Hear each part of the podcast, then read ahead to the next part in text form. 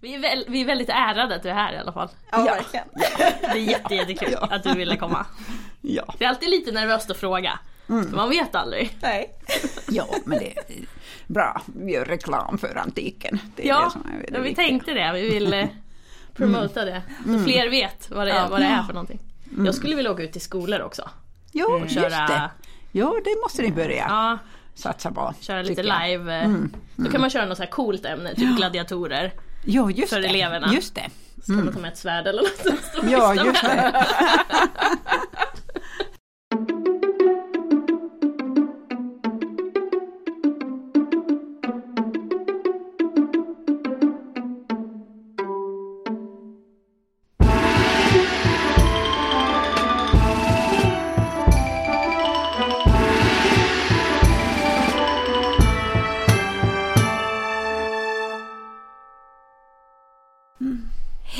och välkomna till Podius Castus, en podd om antiken. Och vi som sitter här idag, det är jag, Emily. Jag Angelica. Och så har vi en eh, väldigt speciell gäst idag. Vi har professor Arja Kariveri från eh, Stockholms universitet som är professor i antikens kultur och samhällsliv. Välkommen! Välkommen. Tack så mycket. Tack så mycket. Och vi har ju allihopa haft dig i, och undervisat oss i omgångar. Just det. Här är en to- stolt lärare Mm. Ja. till journalisterna. Ja, det är bra. Vad eh, ska du berätta för oss idag? Jag ska berätta, berätta om, om eh, produktion och eh, infrastruktur i Roms hamnstad och i Rom, hur man levde och, och vad man, hur man skötte det vardagliga i, i Roms hamn och, eh, och vad folk levde av och ja, sådana såna detaljer kommer jag att berätta om och tala om. Spännande, för du har ju faktiskt varit i Ostia och grävt väl? Ja, så att man kan säga att, att jag har inte direkt eh, grävt men att jag har dokumenterat, gjort såna arkeologiska undersökningar, dokumenterat byggnader i den stora antika eh, hamnstaden eh, som eh, är faktiskt en jättefin ruinstad fortfarande och som fick, eh, fick eh, bara för ett par år sedan också en fin berömmelse av eh, europeiska, alltså EU, alltså det är sådana kulturarvs, ja, sådana speciell, speciell plats då i Italien. Alltså att, att som, eh, och faktiskt eh, det, det, det tredje stället i, i Italien som fick det här. Eh, och, eh, och Pompeji har inte fått ett sånt, Men, vilket är intressant. jaha. Sådana, sådana kulturminne, sådana viktigt ku- som kulturminne och eh, hur, hur det, det är också den stora arkeologiska parken där berättar om människans historia från, från, kan man säga, från ja, under 3000 år nästan, så att, att, eh, att det börjar ju från två- 2500 år sedan minst och sen fortsätter den här historien fram till våra dagar. Och sen där i i den stora arkeologiska parken där kan man se just de här olika tidsperioder och, och sen, sen museer och, och det som är intressant just att det är i anslutning, det ligger i anslutning till Roms eh, flygplats. Ja, Så att, eh, så att den norra delen av Ostia stad där man hade den stora, stora hamnen eh, som byggdes under kejsarna Claudius och eh, Trajanus, eh, då att där finns ännu kvar en del av denna stora hamnbassäng som är hexagonal och det är alldeles bredvid flygplatsen och där har man dessutom också vid flygplatsen nu, man invigde för ett år sedan, en jättefin fint eh, skeppsmuseum där man kan eh, gå eh, och, och se dit, man kan gå och se, se några sådana här fina skepp som man har hittat där i hamnbassängen och så de, eh, alltså fem stycken sådana fina romerska skepp, ja, 2000 år, jäklar. 2000 år gamla skepp så att, att det, så att nästa gång ni åker till Rom kan ni, kan ni gå och besöka det museet också. absolut. Absolut. Som- Jag som är jättesugen. jätte- Ja. Just det. Ja, ja så att det, och det är där, där jag har jobbat eh, och haft forskningsprojekt sen kan man säga från 2015. 2015 eh, och, och sen för ett år sedan publicerade jag en stor bok, stor bok om, om Ostia med eh, kan man säga samling, samling av, av flera artiklar som olika forskare, eh, internationella svenska, finska och italienska och alla möjliga andra länder är representerade bland de här forskare som publicerade i den här stora boken, stora volymen som, som blev kan man säga då en, en publikation i anslutning till den stora utställning som vi, mm. som vi organiserade sen i Finland. Mm. i Tammerfors och som, som pågick i ett och ett halvt år fram till förra eh, ja, januari 2021. Mm. Så att, och, och tyvärr när pandemin drabbade det mm. den här utställningen däremellan men att det var ju ändå eh, kan man säga riktigt eh, väl, väl lyckat eh, lyckades väl eftersom eh, de fick ju där i, i det museicentret, eh, de fick 139 000 besökare till Oj. utställningen så att det var riktigt ja. populärt. Så att, eh, att de var riktigt nöjda sen de italienska myndigheterna att Ostia blev då riktigt känd. Ja. Känd då i Finland och, och då gjorde de samtidigt förstås reklam, reklam för turismen till Rom och Ostia. Mm. Och, och, eh, och just den här boken är, är kan man säga också en utställningskatalog samtidigt. Ja. Eh, och med 50 artiklar men att sen också en fyndkatalog eh, på alla dessa föremål som var, som var med eller framme där, mm, där på, på utställningen.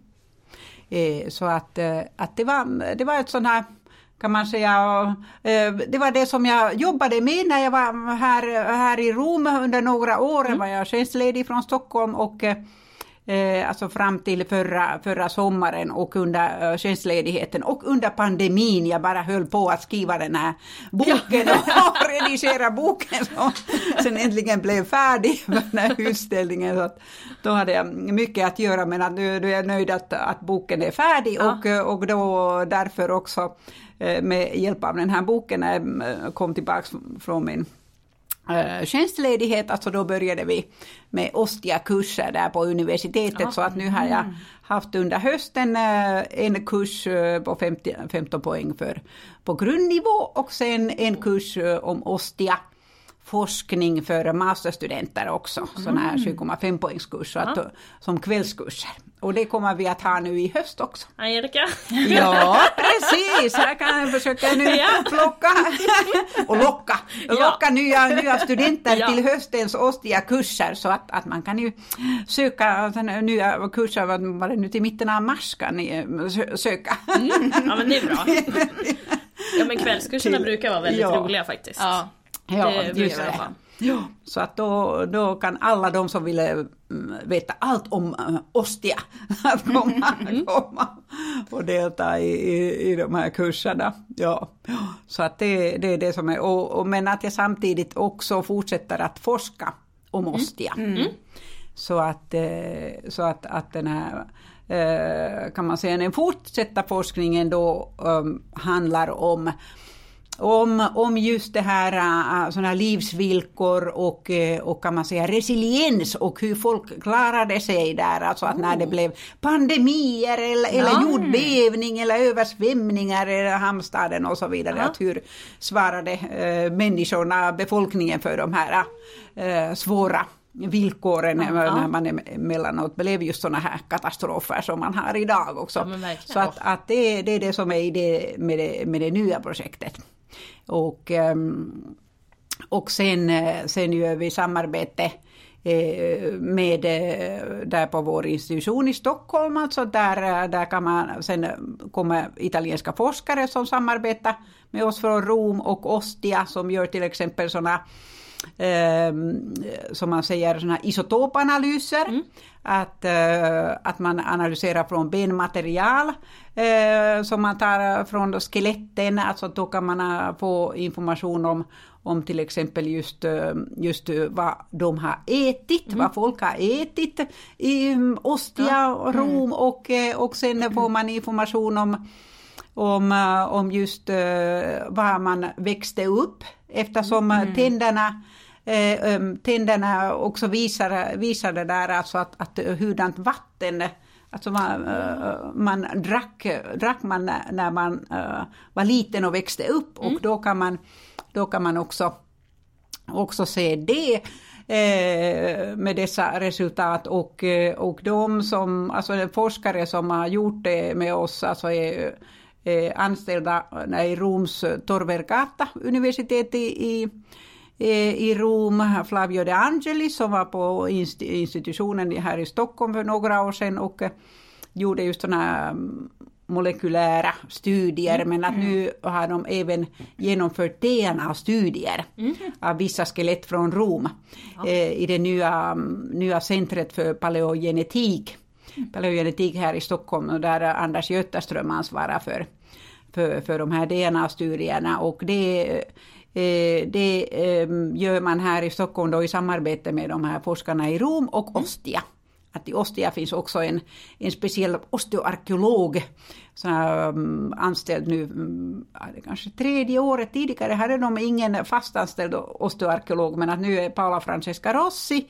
eh, som, som har alla dessa hundratals eh, skeletter eh, i magasin, magasin i Ostia från gamla utgrävningar också som hon nu hålla på att studera med mm. assistenter och så. Och, ja. Eh, och också Anna Källström har samarbetat från vår institution som är osteolektor i, lektor i osteoarkeologi har just samarbetat med Paula Francesca Rossi och, och mm. de eh, analyserade från en från en eh, nekropol, alltså begravningsplats, mm. äh, från en förort till Ostia som heter Achilia, alltså på väg mot Rom kan man säga, typ sådär, na, kanske 10 kilometer eh, från, från havet eh, mot Rom och där fanns, eh, fanns alltså en sån förort till Ostia under antiken och, och där bodde tydligen flera som arbetade då vid hamnen, mm. eh, hamnen och också med jordbruket. Mm. Och, och Paula Francesca Frossi och Anna Källström, alltså att de analyserade studerade först 300 skelett och sen valde de en grupp, 30 individer från dem som, som de analyserade mer i detalj, alltså just sådär visuellt att man kunde just se när man analyserar visuellt, alltså förstås det att, att längden på befolkningen, alltså de, de avlidna män och kvinnor och barn och, eh, och eh, hur gamla de var när de dog mm. och sen, sen också att om de hade Eh, under sitt liv till exempel benbrott och då mm. kan man säga att om de, om de hade någon vitaminbrist eller hade inte, inte äh, till exempel om man, om man Uh, om man sen, sen hade någon annan sån här sjukdom mm. under sin livstid, alltså som också påverkar skelettet och alla, alla sådana här detaljer mm eh, hade de... Mm, hade man kan väl se på muskelfästen och sånt också, hur man Just, har arbetat. Exakt, mm. exakt. Och då kan, precis, liksom. att då kan man säga att om man har jobbat, uh, haft några hårt arbete, mm. arbete och, eh, och det kunde de faktiskt se just från de här skeletten från Achilia, att, ja. att de har hållit på med, med sådana tyngre tyngre mm, arbeten eh, och, och, och, det är därför man har just tolkat att det möjligen, alltså en del av dem jobbade där uh, troligen med jordbruk, mm. men att också där i närheten fanns nämligen det här salttaget, sådana ja. saltsjöar. Och mm. där, uh, där fanns mycket folk som, eller under antiken förstås, som jobbade där för att få det salt som man Eh, få upp det saltet som man behövde eh, i Rom naturligtvis för den här miljonbefolkningen i Rom men att också, också att man eh, sålde sålde det till, till andra städer i Italien och, och också till utlandet så att det var en sån här viktig exportvara ja. från Ostia, Ostia och Rom. Mm. Och, och det är just det som är jättespännande, spännande att vi kan alltså, mm, nu fortsätta med de här studierna och nu har just Anna och Anna i samarbete med forskarna från Rom, alltså att eh, de har gjort det eh, också eh, nu publicerat nya eller de är precis på gång att komma ut just DNA-analyser av dessa individer från Achilia. Mm. Och, och vi kan ju redan nu säga, säga just det att, att allt tyder på det här, alltså att den befolkningen där i Achilia, den här förorten, kommer först och främst från östra Medelhavsområdet. Mm. Vilket är intressant. Så att, att det, det bekräftar också det vad vi redan vet från från eh, skriftliga källor att eh, folk flyttade, flyttade till till Rom och, eh, och sen till just hamnstaden Ostia från olika provinser, provinser och, eh, och när vi talar om, om Romsrepublik och när Ostia grundades alltså troligen då i början av 300-talet före Kristus och redan redan då från den tiden, alltså från 300-talet före Kristus framåt, alltså importerade man till Rom eh, spannmål från olika, olika håll, håll i Medelhavet och, eh, och då började ganska tidigt, inte bara Nordafrika och Sicilien, men även just Egypten. Mm. Och Alexandria blev, blev viktig, mycket viktiga för den här spannmålsimporten. Mm. Mm. Och med den här spannmålsimporten förstås, sen kom eh, befolkning, befolkningsgrupper grupper sen, sen till, till Rom och just till Ostia mm. och bosatte sig och eh, man behövde ju mer och mer folk, eh, folk både för all, all möjlig eh, arbete, mm. inte bara hamnarbete mm. och, och sån magasinering och eh, omlastning av, av varor och så, men att just att när man byggde, byggde Ostia Ostia är ju det som är i dagens läge kan man säga den bäst bevarade romerska staden där man har faktiskt höghus som är mm. bevarade, eh, vissa ruiner som är bevarade upp till fyra våningshöjd och, eh, och som är byggda, alltså tegelbyggnader, alltså ja. det var en tegelstad, ja. alltså otroligt väl, välbevarade strukturer. Och då ska man förstås tänka på det där att hur mycket folk det behövdes för att bygga hela denna mm, stad. Mm, ja, där, där det bodde minst, alltså man har ju konstaterat att det kanske på eh, första andra århundradet kanske bodde, bodde sådana 50 000 ja. Eh, människor i, i den här staden och, och som hade alltså där i centret, eh, alltså just vid där forum, torget där runt omkring fanns de högsta höghusen men att sen vid utkanterna av av, av det här centret. Sen, sen fanns såna eh, privata hus mm. mm. som var lägre och så vidare. Ja. Alltså det såg ut som som eh, städer idag kan ja. man säga. Alltså att det är inget, ingen skillnad på det sättet. Nej. Nej, och sen ska man ju producera, förutom att bygga, du ska ju producera allt det här teglet också. Just vi har ju en industri på Just det viset, det sitter man ju och gör. Så. Just det, att det var, det var en stor industri att både, både producera producera tegelstenar tegelstenar till, till Rom och Ostia eftersom Rom, i Rom hade man likadana ehm, byggnader sen under ehm, tegelhus och så vidare under kejsartid. Mm. Då talar vi om Augustustid framåt, framåt men att eh, de flesta är ju förstörda, ja. har försvunnit eh, under årtusenden och ja. århundradens lopp och därför just Ostia Ostia så viktig för vår kännedom mm, mm. eftersom det blev ju övergiven, övergiven eh, kan man säga på 700-800-talet efter Kristus, mm. just den här centrala delen och därför ha, hade vi Eh, har, man, har man den här möjligheten då att studera eh, den här boendet, hur, hur det var för 2000 år sedan, mm. alltså att när man, eh, när man bodde, bodde i en sån här romersk, romersk stad. Det, när man tänker sen på tegelproduktionen, när, när man sen uh, tidigare trodde att man uh, tillverkade de här tegel, tegelstenarna där i Ostia, mm. vid Ostia. Men att nu har man kommit fram till att det var faktiskt inte så, utan det är högre upp, närmare Rom, de här stora tegelfabrikerna var lokaliserade. Ja. Alltså att de, eh, den, största, den största produktionen ägde rum alltså nära Rom och då tog man ner, eh, ner tegelstenarna med, med um, flodbåtar ner till Ostia. Eh, men eh, sen vet man förstås alltså att i Ostia, men, eh, att man har sån här mm, produktion i mindre skala av, av tegelstenar, men först och främst en keramik och mm. oljelampor som jag själv har studerat speciellt mycket. Så att, mm. att man har hittat, hittat till exempel sen sen sådana, äh, kan man säga, um, kärl som hade blivit förstörda i bränningen, att, ja. att det hade blivit något, mm. något fel där i bränningen och man har hittat sådana som man kallar på, på engelska för wasters, jag vet inte riktigt vad det är. Typ produktionsfel. Jo, produktionsfel. Mm. Det finns ja. inget, inget bra ord på svenska Nej. för det. Jag tycker att waster, waster är så bra ord. Ja. så det, det är ett jättebra ord. det har ju vi problem med ganska ofta för vi har ju studerat, det mesta vi har studerat är ju på engelska. Ja, så ibland så bara, vad heter det på svenska? Ja. Finns det ett ord? Ja, ofta så finns det ju inte ett ord och då ja, måste man hitta det. på något själv. Ja, ja, ja. och, och sen, sen vill jag just påpeka, påpeka det också att, att vad många glömmer bort att Eh, att även kvinnor ägde sådana här verkstäder och mm. tegelfabriker. Ja.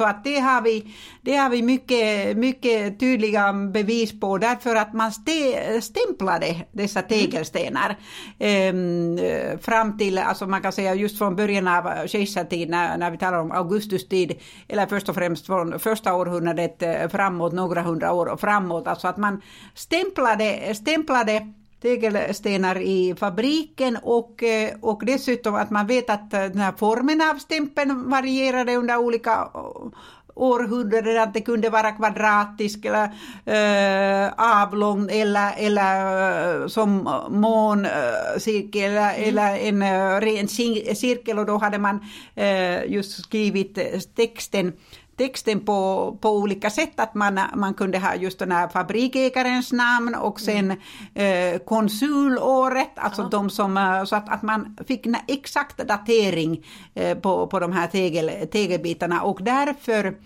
tegelstenarna. Därför har man kunnat eh, datera så exakt sådana mm. tegelbyggnader i Ostia. Mm. Och göra, göra sådana här stora undersökningar kring, kring det där att vem som ägde och vem sa, eh, eftersom man har emellanåt just namnet även på arbetsledaren. Så att, eh, att det var ju mm, på Finska institutet i Rom ett sådant här stort projekt på 1960 och, 60 och 70-talen. Alltså mm. att när man gick igenom alla dessa tegelstenar som var bevar, hade bevarats i Ostia och gjorde, gjorde en sån här stor databas som man fortfarande mm Eh, Margareta Steinby som är nu pensionerad och över 80 år men hon fortsätter fortfarande att, att hålla på med den här eh, databasen och ah. kompletterar det. Alltså hon åker wow. en eller två gånger om året till Rom och kompletterar wow. denna databas. Men att hennes, hennes alltså kollegor då på 60-talet när de var unga, alltså att de fick ju alla eller flera stycken som fick eh,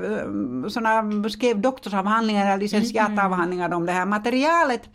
Och och en av de mest berömda som några av er känner till när namnet namnet eh, Päivi Setälä som just har skrivit böcker om eh, antika kvinnor och med, mm. kvinnor under medeltiden och renässansens kvinnor och så vidare. Mm. Hon skrev eh, på 70-talet sin doktorsavhandling just om kvinnliga eh, tegelfabriksägare. Så att, eh, att den, är, och den är publicerad den här serien av um, Finska institutet i Rom. Ja. Och eh, så att då har hon gått, gått igenom alla, alla dessa och, och, och kunnat, kunnat sen, eh, sen nu lista ut med hjälp av också sådana inskrifter och skriftliga källor från Rom, alltså vilka eh, familjeförhållanden dessa, eh, dessa kvinnor hade som ägde mm. tegelfabriker och sånt. Så att, att det är jättespännande spännande att man kan, man kan få också sån här social historia och ekonomisk ah. historia som man kan lära sig med hjälp av det. Och, eh, och på samma sätt på samma sätt kan man också Eh, på samma sätt kan man också eh, få namn och studera, uh, studera ägar, ägarens namn mm. faktiskt av vattenrör i Ostia och Rom. Eh, att det finns eh, bevarade blyrör på mm. många ställen under mm. gatunivåer, ja. alltså sen när man har eh, studerat och grävt djupare i de här husruinerna. Ja, för det brukar man när man, man gräver, då gräver man ner, dokumenterar Just. och sen gräver man ännu djupare. Just det, precis. Och, och då att man har hittat mängder av sådana här blyrör, mm. vattenledningar i Ostia och samma i Rom. Mm. Och, eh, och då är det en forskare, han har också finsk bakgrund, Christer Brun som är nu professor i Toronto, som skrev en gång i tiden sin doktorsavhandling om, om dessa, eh, faktiskt om, om eh, just vattenförsörjningen i Rom, mm. Rom och eh, Frontinus verk om, om detta, alltså en eh, som, bok som man kan eh, antik källa och då har han jämfört den här informationen med, med dessa eh, vattenrör där man har bevarade namn mm. på, på de som har finansierat, finansierat eh, dessa vattenledningar och då har man där också datering, datering sen, alltså konsulåret och så och då, då kan man få exakta dateringar och också vem har finansierat. Och där har vi också flera kvinnonamn, att mm. också kvinnor har finansierat både både sådana allmänna, ähm, kan man säga, mm, eh, till exempel just äh, vattenledningar till mm. badhus, men mm. också till äh, privathus. Aha. Så att, så att invånare i Rom och Ostia, att de kunde antingen förstås naturligtvis finansiera sina egna vattenledningar och, och men, men också sådana um, offentliga Mm. Eh, vattenförsörjning till offentliga byggnader eller, eller just badhus. Ja. Mm. Det är ju spännande för man pratar, det pratar man inte så mycket om men man pratar om senare när Rom blir kristnat. Ja. Att många kvinnor eh, bygger basilikor eller kyrkor och sånt. Det vet man, men det här har jag mm. nog inte hört om förut faktiskt. Ja, ja precis och det, det är sånt som som, eh, som man måste tala mera om ja. eftersom det är jätte, faktiskt jag tycker det är mycket, mycket spännande där. Mm. Alltså att, eh, att just att veta det att hur, hur mycket kvinnor, eh, kvinnor hur viktig roll kvinnor hade både på den här finansieringen, just den här infrastrukturen, mm. eh, TG-produktionen, eh, produktionen av dessa och byggnationen av vattenledningar, men, men också, också det att, att naturligtvis eh, kvinnor kunde tjänstgöra mm, sen eh, i olika kulter, alltså de var mm. prästinnor, ja. prästinnor i olika kulter där både i Rom och i Ostias hamnstad, så att där, där hade kvinnor kvinnor uh, viktiga roller i många, många sådana här kulter och speciellt till exempel när kulten till Kybele. Kybele, den här Magna Mater, sån här modergudinnan, mm. där, där var kvinnliga prästinnor. Men att sen eh, speciellt populär kult i Ostia för eh, för just kvinnor och så som skyddade mm, kvinnor är Bonadea. Mm. Och det finns två viktiga helgedomar där i Ostia, där i hamnstaden.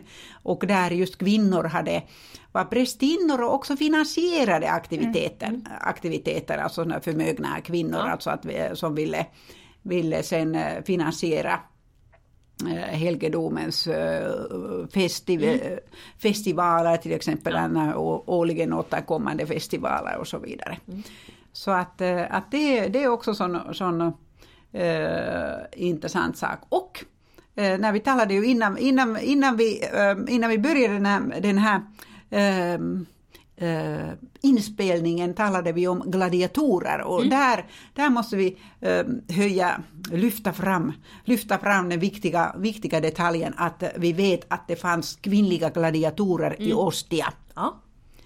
Det finns nämligen en eh, inskription eh, inskription, eh, alltså text, inhuggen text i, en, eh, en stenskiva där, där ett par från Ostia, eh, man och kvinna, ja. alltså de tillsammans finansierade eh, kring 200 efter Kristus mulieres ad ferrum, alltså kvinnor kvinn, kvinnor som hade vapen, mm -hmm. alltså gladiatorer. De ja. finansierade gladiatorer, kvinnliga gladiatorer, mm.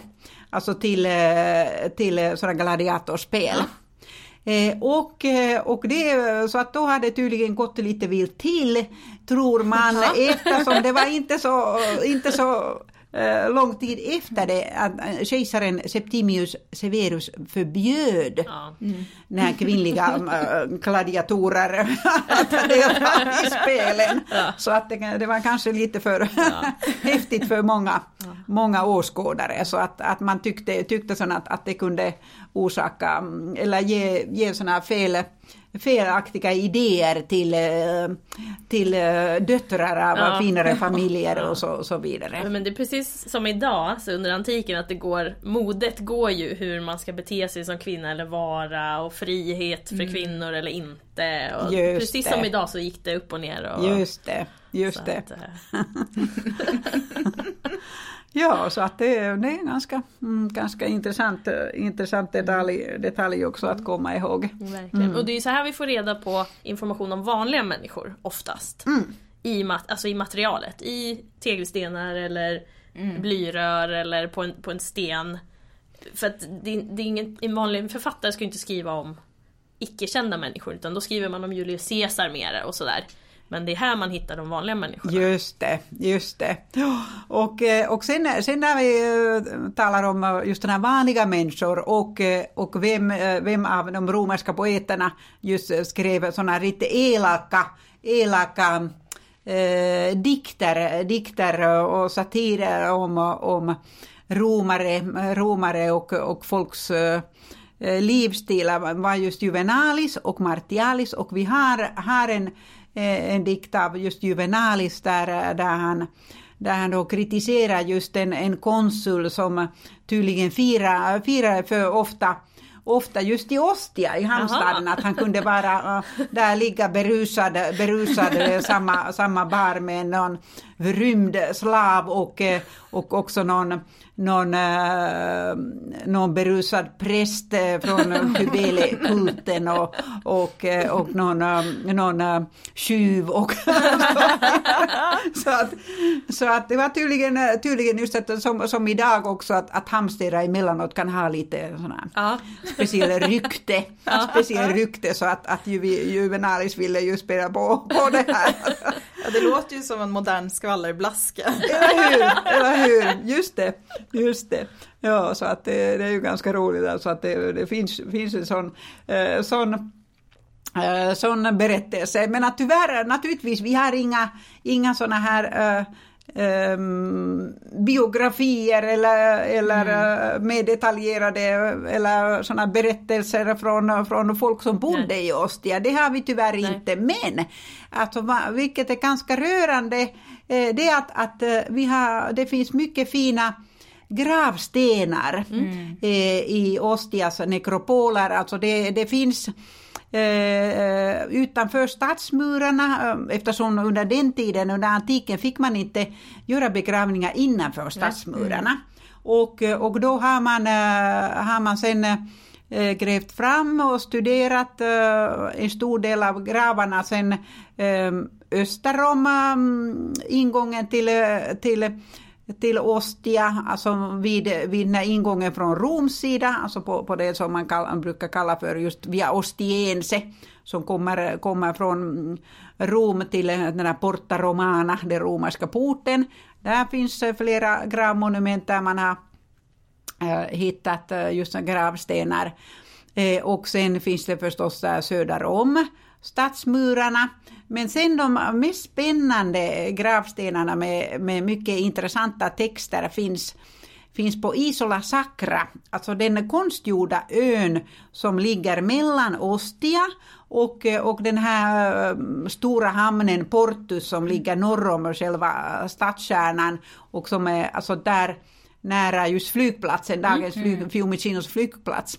Och där på Isola Sacras eh, nekropol eller grav, gravplats. Alltså där finns mycket fina gravmonument från, um, från um, kan man säga från cirka 100 till 300 efter Kristus. Och många, många av dessa är såna familjegravar där man har där man har dedikationer då, alltså att, att det står vem som har byggt graven och till vem. Och då, då är det ofta, ofta så att det står, står att man har byggt det för uh, egna alltså familjemedlemmar men också frigivna slavar mm. och, uh, och uh, deras, deras barn. Ja. Så mm. att, att, de har, att de har verkligen de har byggt som, som stora såna familjegravar och Eh, och då har man just, just den här, oftast, oftast det där libertis et libertabusque, alltså de fri, frigivna, kvinnliga och manliga frigivna, mm. och deras,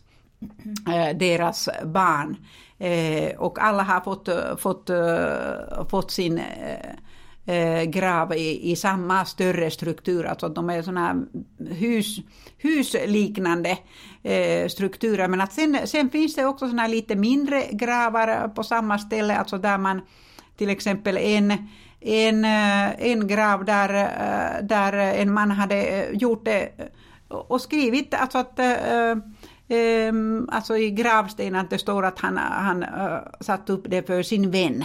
Mm. Eh, och, eh, och sen, sen finns det också en eh, spännande spännande grav där, där man har på utsidan också såna terrakottaplattor som, som visar hur, hur när familjen familjen, det paret som lät bygga det här gravmonumentet, alltså vad de hade för yrken. Mm. Och, och där i terrakottaplattor finns bevarade eh, också Eh, alltså att, eh, det som är intressant att det finns också lite färgrester, alltså Aha. att, eh, på terra, att de terrakottorna var bemålade. Eh, och det ena är, är eh, faktiskt en barnmorska. Mm -hmm. Kvinnan har varit en barnmorska, att hon är representerad där, det är det enda, enda kända eh, kända bevarade, bevarade såna representationen där en kvinna sitter i sån här, vad heter det, sån här stol mm. För att föda barn. Mm. Och mm. när barnmorskan ja. sitter bredvid och, och som, som om att hon, hon tittar på kameran där. Alltså, ja. nu kommer den där barnet. Ja, precis, man, har ju huggit, man har ju huggit ut bilder på de här gravmonumenten så att man ska, det representerar, så här såg personen ut eller ja. så. Ibland har man ju bilder idag på gravstenar, det är den versionen ja, fast uthugget ja, i stenarna. Ja, och, det, ja, och det, det är så fascinerande att just att man representerar den här kvinnan, mm. kvinnan eh, som är alltså nuktrix, då alltså som, eh, som eh, barnmorska och sen maken, maken var tydligen, tydligen sen läkare eftersom mm. i den andra terrakottareliefen då, då visar man hur hur han uh, behandlar en annan mans uh, ben. Mm. Och sen, sen har man där bredvid uh, illustrerade alla, alla dessa skalpeller och verktyg som mm. en kirurg hade. Ja. Så att, um, och, så att det, det är just det som är också spännande och vi hade faktiskt där på utställningen i Tammerfors fick vi, vi fick låna från Karolinska institutet. De har en uh, samling, de har ju några stycken av alltså en samling av, av dessa uh, romerska, uh, troligen från Pompeji, sådana här kirurgverktyg. Ja, ja, ja. Mm, mm. Så, ja, så att det var, det var mycket, mycket trevligt så att, mm. att vi fick det fick det till utställningen just bredvid den här, den här reliefen, terrakotta eh, illustrationen av, av denna, mm. denna kirurg, antika ja. kirurg. Många av de här ser ju likadana ut idag, de här. Ja, precis, de är, exakt, de är, ja, så att de är likadana. Ja, och sen en annan, annan sån spännande sak med de här, med de här gravstenarna, att, att, eh, att man, man har gjort också um, använt många gånger när föräldrarna har lora, förlorat uh, ett barn. Mm. Att, att de har skrivit, skrivit mycket mycket såna rörande uh, uttryck uh, gällande sina barn, att de an, an, använder till exempel ordet tulkissimus, det sötaste, mm. det sötaste. Oh dottern och, mm. och, så vidare. Och sen, sen äh, brukar man också för barn speciellt, vilket är mycket intressant, att man skriver hur många år, månader och dagar barnen ja. levde. Eh, så att, eh, att, eh, att till exempel en, en eh, sån här liten gosse, gosse som fick, fick en mycket, mycket fin Aulus Egrilius som fick en fin sån här gravaltare där man hade sen eh, i marmor där man har på framsidan representerat honom, honom med en get, get där och, och sen, sen Sen, sen står det att, att han levde just fem år och är det nu tre månader och mm. hur många ja. dagar. Så att, att det, var, det var också en sån här mycket speciell, speciell mm, sak, alltså att, mm. att, de, mm. att det var så viktigt med det här att uttrycka exakt, exakt hur, hur, lång, tid, hur lång livstid mm. eh, de familjemedlemmarna eh, hade. Mm. Eh, och, eh, och sen, sen en, en annan sak eh, som, som man ska um, som man idag tycker är mycket spännande, att, eh, att i vissa, vissa av dessa större gravmonument eh, som familjegravar, att man kunde ha kunde ha också längst ner en sån här varning att, att eh, till exempel att, eh, att, att man, ni får, ingen annan får, får begravas här. Mm. Alltså det är bara för dessa personer. Och, eh, och, och, eh, och, en, eh, att, och det finns dessutom några exempel där det, där det står att den och den personen får inte begravas här. så att, att någon, någon blev så utkastad från familjen och jag får definitivt inte komma. så att det, jag tycker jag är mycket mycket intressant också. Ja, det var så. långsint in i ja. efterlivet. ja, kanske blivit någon arvstvist eller ja, någonting visst, sånt. Ja. Mm. Eh, och, eh, och sen finns det också en, en, eh, en mycket mm, rörande, sån här tragisk eh, gravsten, alltså där föräldrarna, föräldrarna till Prima Secunda Eh, dottern hette Prima Secunda och, och sen en eh, manlig släkting har gjort den här gravstenen till sin dotter och där, där står det som blev 16 år, 16 år och eh, gammal och sen står det förstås hur många månader och dagar efter det. Men att, att hon var gift och det står, står där att, att, att, att hon blev mördad av sin man, Nej. kastad i Tiberfloden. Oh, Ja, och, och, där, och där har man, just här föräldrarna, föräldrarna har skrivit alltså just det här mm, alltså att mm. dottern är, är den här den skönaste ah. dottern ah. Och, och, att eh, för hennes minne vill de mm. äh, göra, göra det här. Så att, äh, att, det, det, att det finns mycket, mycket sådana såna spännande historier som gömmer sig bakom, bakom alla, alla dessa gravstenar som man har kunnat, mm. kunnat hitta. Sen hade, hade de här italienska forskarna som samarbetade eh, med det här Ostia-projektet, alltså att då, då hade de hittat en, en utgrävning, ut, utgrävningen eh, där vid det här Saltsjön, alltså där de hittade en eh, just begravningsplats med troligen just de här arbetarna som, mm. som har jobbat där i det tunga, tunga jobbet och det, det var ju oftast just slavar som ja. gjorde de tyngsta jobben. Alltså där hittade de alltså ett skelett, alltså en man som har levt eh, till 30-35 års åldern. Eh, men sen visade det sig, eh, sen när man började studera, när osteoarkeologerna började studera hans skelett mer noggrant, att han hade, mm, han hade såna infödd missbildning sen, mm. sen födseln. Att hans käken var ihopväxta. Oj. Så att han hade aldrig kunnat öppna sin mun. Och ändå hade eh, vuxit, vuxit upp till vuxen, ja. blivit vuxen och, eh, och, eh, och dessutom jobbat hårt, hårt i sitt liv, alltså att man hade alla, alla dessa just märken, det som vi ja. talade om tidigare, att, att uh, muskelfästen, mm. alltså att som visade att han har jobbat, uh, gjort hårt jobb och så. Men alltså att hur han har överlevt ja. från, från eh, från födseln var det att, att man hade gjort tydligen på en gång sådana hål där tänderna skulle vara, att, att, att, han har hål, hål där i eh, framtänderna, framtänderna så att då hade man kunnat ma mata honom och ha matat honom, honom eh, och han har kunnat eh, då tydligen eh, som när man sen gjorde sådana isotopanalyser våra kollegor sen gjorde isotopanalyser, det visar sig att han har ju ändå fått fått någon slags, alltså att mest blandat kan man säga vegetarisk mat men mm. att viss protein också Så att, att troligen, troligen någon slags, så att han har överlevt då med någon slags sån här gröt, ja. blandning med bönor och kanske någon mycket kokt fisk eller något ja. sånt men att mycket den här gröt, grötmat och kanske mjölk och någonting sånt men att aha, wow. Mm. levt utan problem upp till 30, 30 årsåldern. Ja. Så att mycket, mycket fascinerande och det visade, visade sig att att fram till nu känner man i historien kanske typ 30 exempel i hela världen ja. av dessa, wow.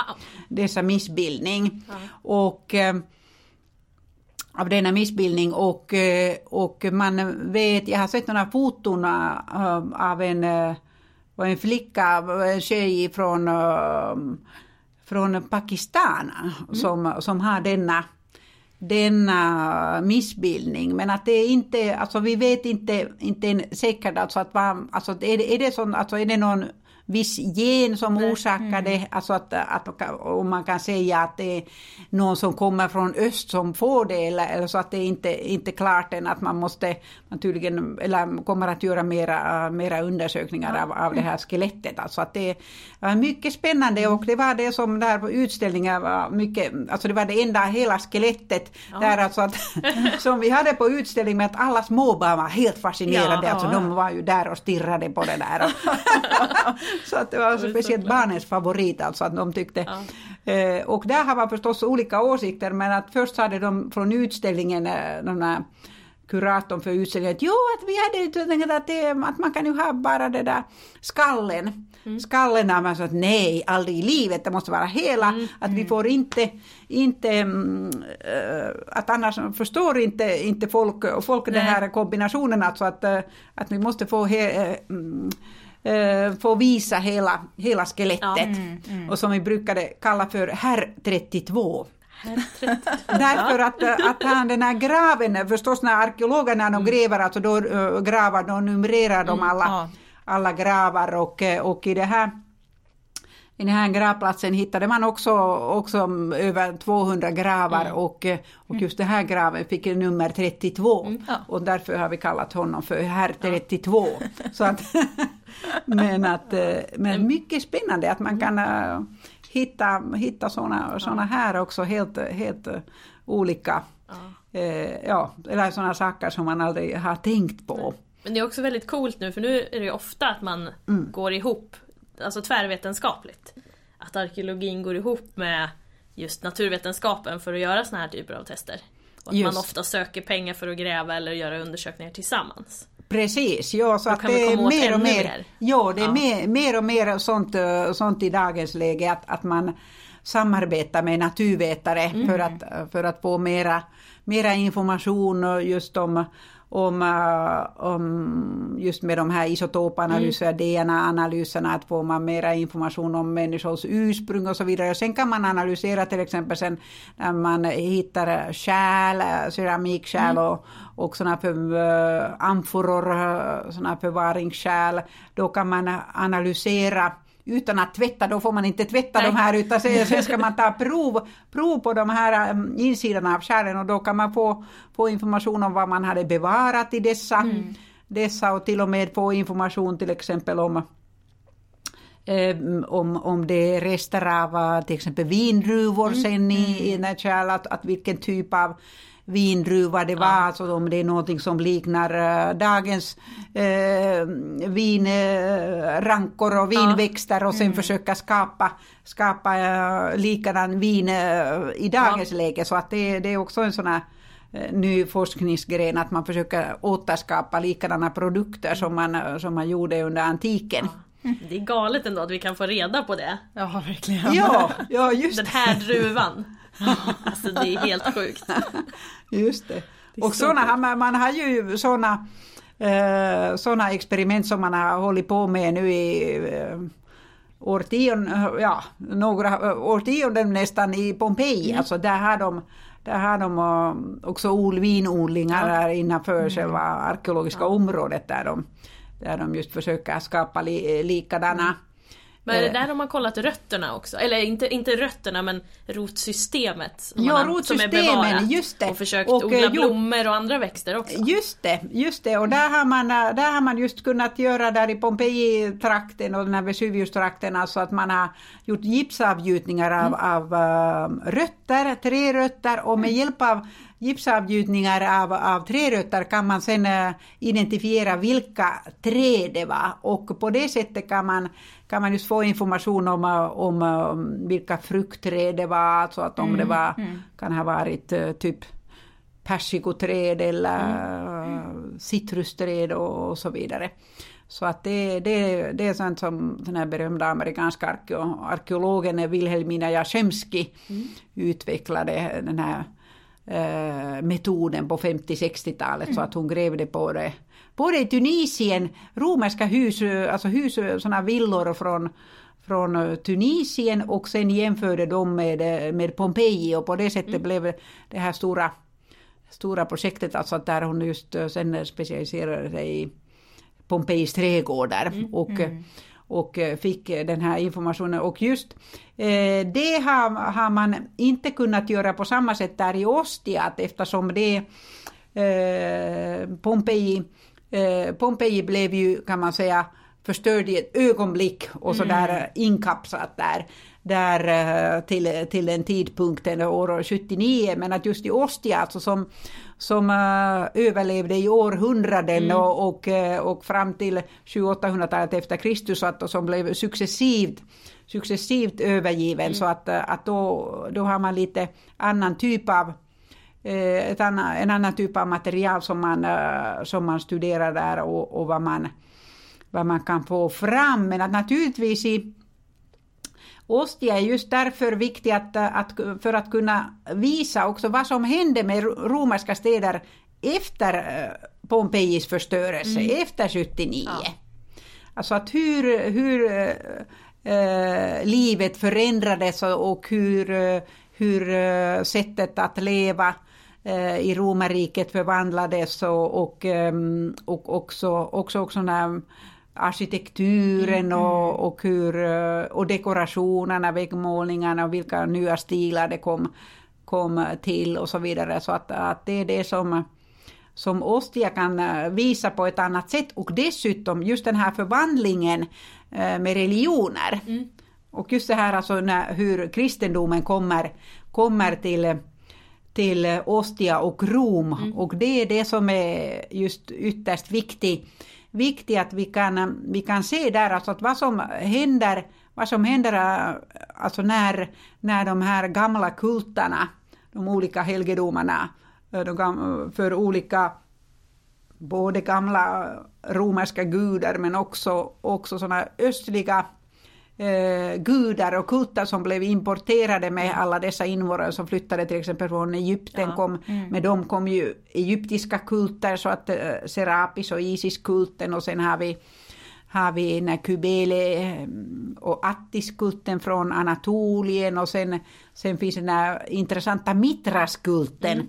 som nu för tiden man faktiskt tolkar så att det inte, inte var, kom, kom från Persien som man tolkade tidigare utan att det är en sån här romersk nytolkning mm. som man skulle ha gjort just speciellt där i, i Rom och Ostia. Ja. Och att därifrån det skulle ha då sen spridit sig vidare till provinserna. Mm. Alltså att sån här, kan man säga, romersk nytolkning om den här äh, persiska kulten.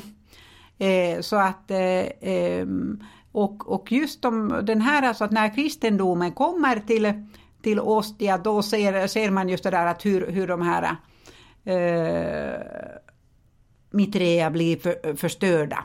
Mm. Förstörda och, och sen, sen att man bygger intressant nog att man bygger exakt samtidigt som man bygger i Rom äh, Peterskyrkan mm. och Lateranbasilikan som är for, fortfarande eh, katolska kyrkans huvudkyrka i mm. Italien. Mm. Alltså det är många som glömmer bort att Peterskyrkan är i Vatikanen. Ja, och det är en egen det. stat. Just och det är en egen Ja, stat! det. Ja, det ska man komma ihåg. Ja, alltså, det, det är inte Italien. Utan när vi- huvudkyrkan för Italien då, det är Late- Lateranbasilikan i södra delen av Mm. Rom. Och, eh, och båda två är byggda av eh, Konstantin den store. Mm. Men också, han byggde samtidigt en kyrka i Ostia.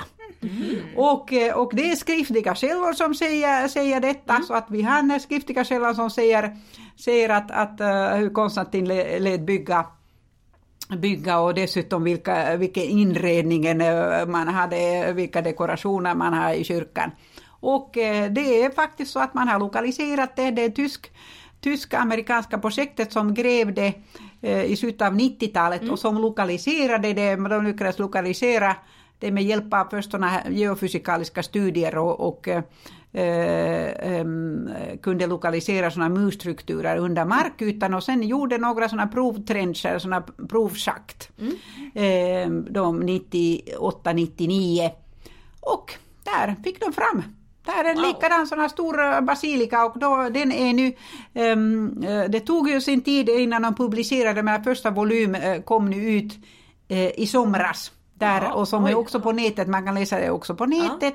Alltså att där, där man har eh, just den här tolkningen om, om hela den här kyrkas eh, historia sen, alltså att utifrån keramikstudier när de analyserade alla fynd från varje schakt, alltså som var, blev ju förstås jättedjupa, alltså från dagens marknivå ner till eh, den här nedersta potten, alltså att där, där, de, där de hittade lämningar och kunde, kunde se att sen att, att där har funnits eh, först ett bostadsområde men som, som, eh, som man sen övergav eh, under tidigare eh, romersk period. Och sen, sen byggde, byggde den här kyrkan i början av 300-talet.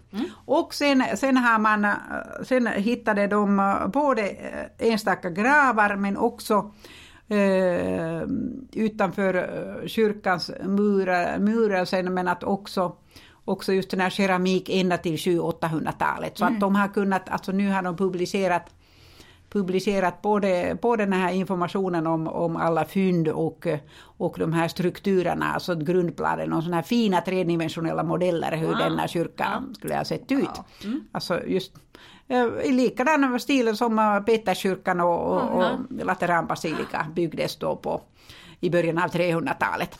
Och det, det är just, det är också en jättefascinerande eh, detalj att tänka på. Att då vet man, vet man att just att man lanserade den här kristendomen, Konstantin den store samtidigt där i Ostia.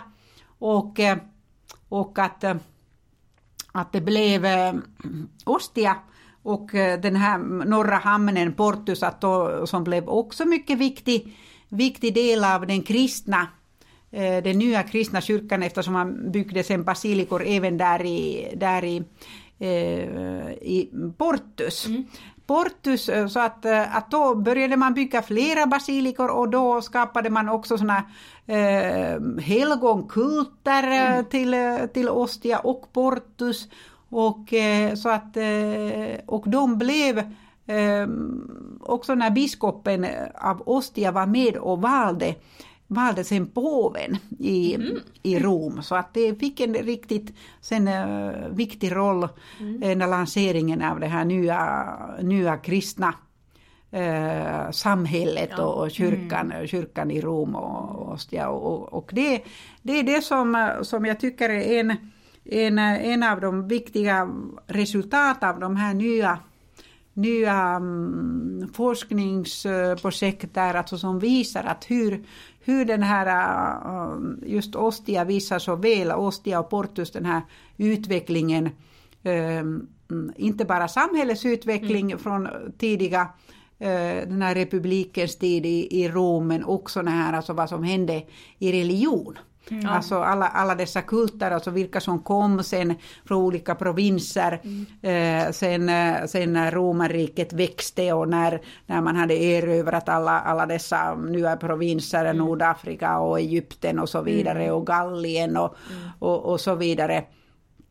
Att, eh, att, eh, att det visar den också sen hur, hur kristendomen kom till mm. kom till och, och att hur man hur det blev det blir då den ledande re, religionen. Ja, för den är inte så tolerant som de andra. Ja, ja visst, visst. Ja. Ja. Innan var det lite så här, då hittade man ju gemensamma nämnare hela tiden. Ja, Isis, ja men det är lite som Venus just kanske. Eller, ja, men, ja vi, kan, vi kan nog klämma in det där. Ja, just liksom. det. Och, här, och sen helt plötsligt kom det en ny religion som bara, nej, det här eller ingenting. Ja. Och, eh, och det att, att uh, Ostia kan ju kallas för en riktig multikulturell, multikulti, mm. ja. multikulti stad är, är det att, att man har bäst bevarade antika synagogan i hela mm. västra Europa, just i Ostia. Mm. Alltså en, en alltså synagoga som byggdes troligen på 100-talet, slutet av 100-talet efter Kristus och mm. byggdes om, om ett par gånger men att var kvar där fram till fram till 500-talet. Ja. 500-talet så att, att man hade en viktig, viktig mm, grupp äh, judisk befolkning, mm, ja. befolkning där i, i äh, Ostia.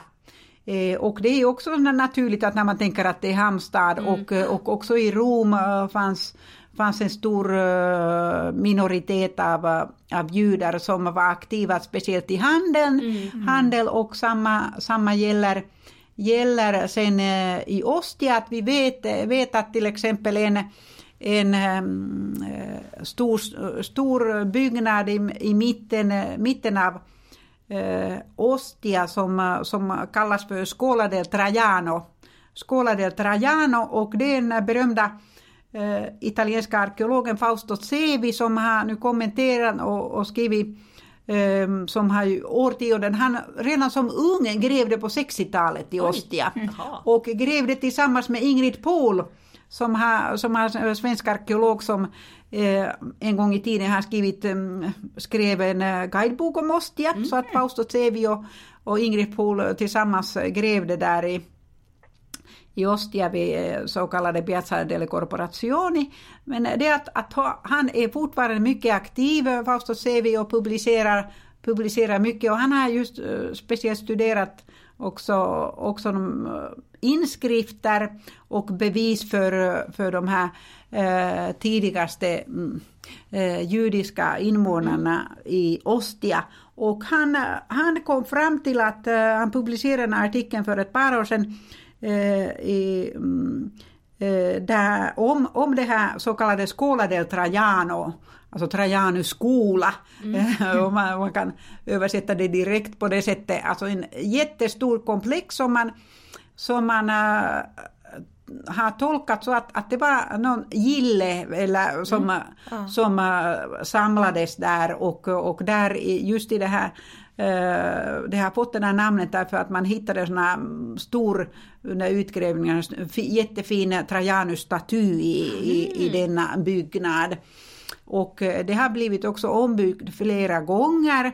Och eh, i i, um, i dessa senaste ut, utgrävningar där Genève-universitetet, speciellt schweiziska arkeologer som har, och belgiska arkeologer som har jobbat där, och, eh, och de, de hittade, hittade just information om, information om, om uh, att, uh, att möjligen just att man kan koppla koppla ägaren på 100, 100-talet efter Kristus, han det troligen har varit just en judisk, mm. uh, judisk man som hade viktig roll i Ostias samhälle och man har hittat, hittat där i utgrävningarna lampor lampor, oljelampor, terrakottalampor mm, som mm. är dekorerade med några. Ja, Den där ljusstaken. Ja. Mm. Så att, eh, ja, så att det finns alla möjliga såna nya spännande resultat som ja. kommer, fram, kommer fram när man eh, fortsätter, fortsätter med undersökningar. Ja, för vi lär oss ju faktiskt nya saker hela tiden om antiken. Ja, just det. Det, det, det, vet ja. om, det kanske inte alla vet. Så att man tror att ja, men, ja, men fakta om antiken och sen så bara, fast det ändras hela, hela tiden. Just också för att det är så gammal disciplin. Man har hållit på med det här i 300 mm. år. Just det. Vi tolkar om och hittar nya saker. Just det, och... just det. Mm.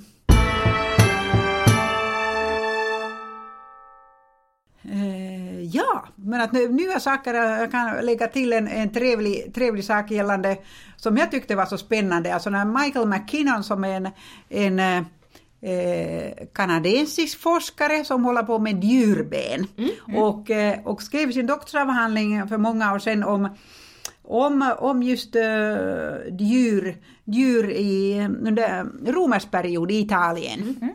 Och, och han kunde ju då redan då i sin doktorsavhandling komma fram till att det fanns eh, flera arter av kor till exempel i Italien Jaha, under ja. antiken. Ja, wow. Det fanns både små och stora och, ja. och så vidare. Ja, och, eh, och sen eh, han, han samarbetade, han fick nämligen sen tillstånd att studera de djurben som påträffades på 90, 80 och 90-talet, olika senaste utgrävningar och just det här eh, tysk-amerikanska projektet som mm. till exempel grävde där i eh, Konstantin Basilikan mm. i Ostia. Och han, han gick igenom alla, alla dessa, dessa ben, benfynd och, och publicerade en, en rapport över, de, över dessa. Och vad som var så spännande att han kunde just visa, visa det där, inte, inte bara det att, att just att hur, hur um, matvanor för, förändrades mm. från kejsartid till senantiken. Mm. Och det, äh, det mest märkliga var det att, att han äh, hittade ytterst lite fiskben. Jaha. Att det var mest, alltså som äh, mest, och speciellt under kejsartid, äh, att även, även om Eh, förstås att då säger man, eh, då, eh, säger man eh, direkt att jaha, men att hade någon sållat jord, att hade de sådär hittat, mm. eh, fått fram alla de minsta, mm. minsta benen också. Eh, men, men att han skrev ju, skrev ju att, i sina studier att, att att på de flesta ställen, alltså att även, även på de ställen där man hade sållat jord, att man ändå inte hittade mycket, eh, mycket lite djur, eh, fiskben, men att det var mest alltså eh, gris, Mm. Det var mest gris, alltså typ 70 procent nästan oh, gris där under kejsartid och sen, sen äh, nötkött mm. äh, och, och sen lite ja, höns. Mm. Ja. Äh, och, men att sen, sen alltså att och eh, mycket lite under kejsartid eh, får, eh, får eller, mm. eller Um, eller getter. Men att, att sen att när man kommer till senantiken, och då talar vi om eh, 3, 400 och 500-talet efter Kristus, mm, mm. det är då, då ökar mängden av just får och getter. Jaha. Mm. Och en annan intressant, uh, intressant detalj var som jag tyckte var så, oh wow, att han hittade två stycken kamelben. Jaha. Kameler i Ostia. det är en bit ifrån. ja, så då, då, frågar man, då undrar man förstås vad gör kamelerna där? Mm. Men alltså då, då ska man ju komma ihåg det att man importerade under hela kejsartiden alltså att alla dessa exotiska djur ja, till, ja. till, eh, till, till uh, Rom. Ja till Rom och till, eh, till dessa djurspel i, på Colosseum också. Och man vet att söder om Ostia det fanns också sådana inhägnad där man, där, som man, i litterära källor att man nämner det, alltså att, att där, där man hade dessa exotiska djur. Mm. Mm. Så att, att när man importerade just till exempel lejon och ja. eh, elefanter och ja, så vidare. Mm, och, och, det finns ju även några grav gravstenar där man har ritat elefanter faktiskt, vilket är ganska roligt. Och en där man har just kamel ritat. Eh, och det senaste tolkningen, alltså vad jag har sett, en italiensk forskare som har föreslagit att man kunde fa faktiskt kanske även, även sen, eh, sen alltså att importera importera just från östra provinser kameler för att även kanske använda som lastdjur. Ja, just det. Ja, ja men visst. Mm. Det är inte ja. orimligt. Ja, inte omöjligt. Nej. Ja. Nej, mm.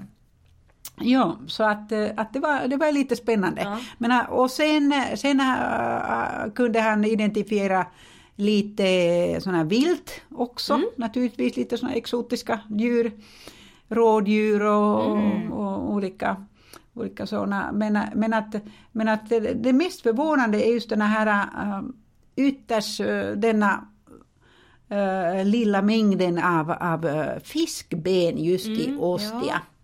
Och, och jag har själv funderat kring det, alltså när man, när man nu vet, vet att, att just att till Rom, alltså man importerar mm, förstås ja. till, till alla, alla dessa fina familjer och kejsarliga hovet och så vidare, att där skulle man ha fina mm. stora fiskar och så vidare. Mm. Och, och då, då får man förstås fundera, då har jag funderat kring det där, alltså kan det vara så att man eh, åt mera till exempel skaldjur ja, istället. Men att, eh, som han skrev i sin rapport att han hade inte analyserat skaldjur. Nej. Ja, okay. Mm. Mm.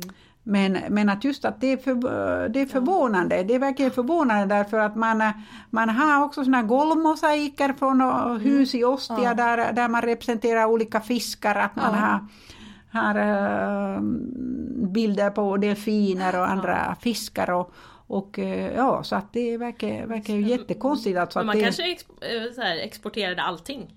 Mm. Till de rika. Ja, eller, ja. För det, så är det väl idag? Typ så här, de fina tomaterna de skeppar man över ja, och så behåller det. man de fula Precis. själv. Ja, alltså, visst, visst. Alltså, det, det, hållet. det är det. Och sen när man vet att, eh, att just det där garum, den berömda romerska fisksåsen mm. som man gjorde gjorde av just småfiskar ja, och mm. lät jäsa och sådär. Alltså att då, då vet man att, att till exempel att att man producerade äh, denna fisksås och, och så, äh, speciellt just för sjömän när de skulle sen, ähm, sen ähm, äh, jobba och segla, segla mm. runt Medelhavet och exportera och importera och sånt där, mm. att man hade med sig de här som ja. mat, matvaror, just sån här torkad fisk och så vidare. Mm. Eh, torkade frukter. Så det, det förstås kan vara en, en ja. förklaring också. Ja. Också men att, eh, ja så att, eh, men att jag tyckte definitivt att det är mycket, mycket, mycket speciell sak att det måste man studera mera, mera kring alltså i framtida ja. utgrävningar att uh, leta efter specifikt fiskben. Ja, verkligen. Mm. Alltså, ja. jag, jag hade verkligen tänkt att de åt mest fisk. Ja, mm. just det. Ja. Nej, det, men det, det är mest grisar. Ja. Det är mest grisar. ja. Det är mest grisar och vi vet av, av denna uh, romerska kokboken, sån Apicius, alltså där är också en recept, alltså hur man lagar, lagar just uh, gris på, ja. på ja. ostia sätt. Kanske var grisarna som fick uh, fiskskräpet. Ja, ja, så att det, det är mycket. För då börjar man också undra hur mycket fisk fanns det då? Alltså då om, om så här, ah, vi har inte tillräckligt med fisk för att äta det själva, vi får exportera det ja, istället. Ja, alltså om, det... om det har hänt någonting i vattnet, eller ja, om det blir varmare ja, eller kallare. Ja, eller... och där, där har, vi, har vi det intressanta uh, historiska källan som säger att, att uh, Claudius Eh, att det var mm, då under tidig kejsartid att, att man hade fiskat, att det var såna över, att man hade mm, såna överfiskat. Ja, alltså, ja. Att, eh, att mm, Claudius gav order att importera fisk från Dardanellerna, mm. sån här skarusfisk, ja. alltså till, till eh, just den här Romtrakten. Mm. Att, att det hade blivit brist på fisk mm. tydligen. För romarna de var ju de kanske en av de första som hade klimatpåverkan. Ja, faktiskt. Mm, Både vad gäller att de, de högg ner en massa träd och eldade ga som just galningar det. men också sådana mm. här saker. Ja. Att man fiskade för mycket eller mm. och, mm. flyttade runt på djur och liksom sådana saker. Just det. Mm. Eh, de startade ja. traditionen. Ja. ja. ja, just det. Just det. Mm. Ja, så att det... Eh, och sen, sen kan vi eh, komma fram till att, att en annan, annan sak just gällande mat som jag tycker var, var också en spännande detalj det här att, att när man vet det, där, vet det att, att i Ostia och som, som det var i Rom samma sak att i, i dessa höghus, alltså där de fattigaste bodde högst upp, mm. tvärtom vad man är, har ja. nu för tiden. Ja. Alltså då, då, kunde man ha såna lyxlägenheterna just längre, i nedre botten ja. och och sen eh, de fattigaste bodde högst upp där det var som varmast på sommaren och mm. kunde vara kallt på vintern. Och det att, eh, att, att då kunde det vara just då att, att eh, i de här lägenheterna högst upp att där hade man inget kök och inte möjlighet Nej. att laga mat. Visst. Och därför gick man till den här närmaste krogen och, mm. och, och tabernor och köpte mat där. Mm. Och och det att och samma sak just att man gick till bagerier direkt och, och köpte köpte bröd, bröd där eller, eller sen kunde det, det vara tydligen sådana vandrande brödförsäljare ja, som, som gick runt på stan. Eh, och, eh, och, och det att man vet att i de här eh, att, att man kunde ju producera i de, i de här största största bagerierna i Ostia att man kunde just producera tusentals bröd per dag. Ah. Alltså, ja, ja, så att, eh, eh, och det, det största var just mittemot den där jättestora magasinen, som, magasinsbyggnaden som kallas för Grandi Horrea och, mm. och som var det största eh, spannmålsmagasinen i Ostia. Mm. Och då var det förstås jätte, jättebra att ha det där mittemot, mm, ja. där man kunde både producera sen mjöl och, eh, och eh, producera, producera själva, sen uh, hålla på med degen och, mm. degen och jäsningen och, och hade gigantisk ugn också ja. i samma byggnad. Och sen vet vi, vet vi just i, ifrån inskrifter att, att man sen, sen senare kunde, kunde ha såna specialiteter just i Eh, produkter, alltså mm, i bageriprodukter, att, att det finns en eh, sån här berömd, berömd bakare som kommer från mm. Kappadokien och som gjorde någon speciell, speciell eh, bröd, speciell brödsort som eh, troligen just eh, enligt det där receptet blev var en blandning av mjölk och olja och salt med mjöl. Alltså att, mm -hmm. att man mhm. hade även mjölk i det där ja. degen och eh, som han blev så uh, sen uh, berömd av denna, denna bagare.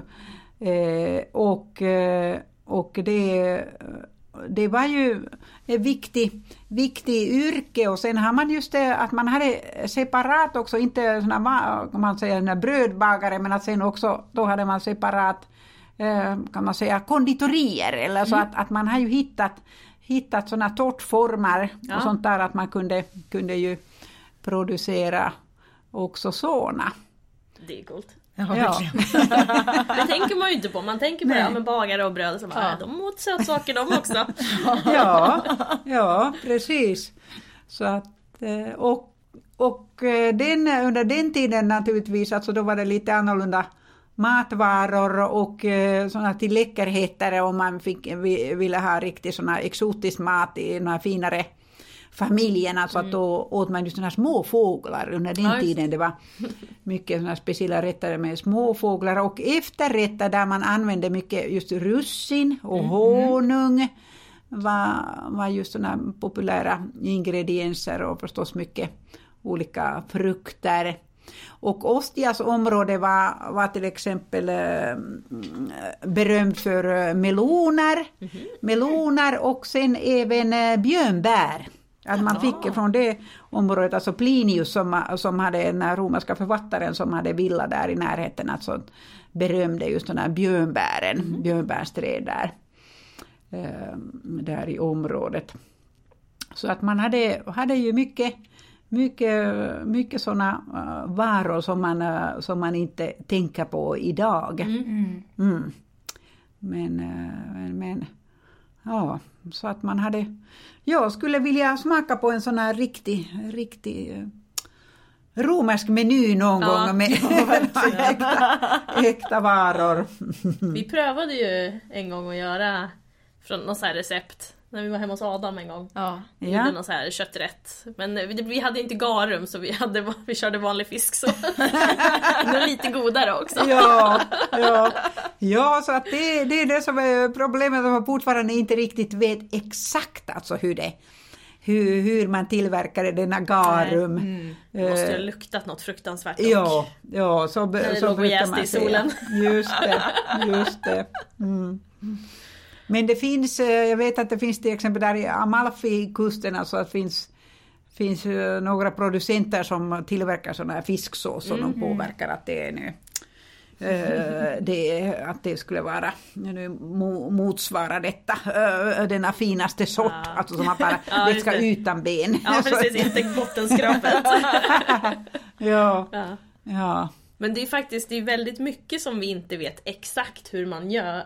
För att för dem var det så självklart. Så att även Ja. om det finns beskrivet så är det inga detaljer för att man visste bara.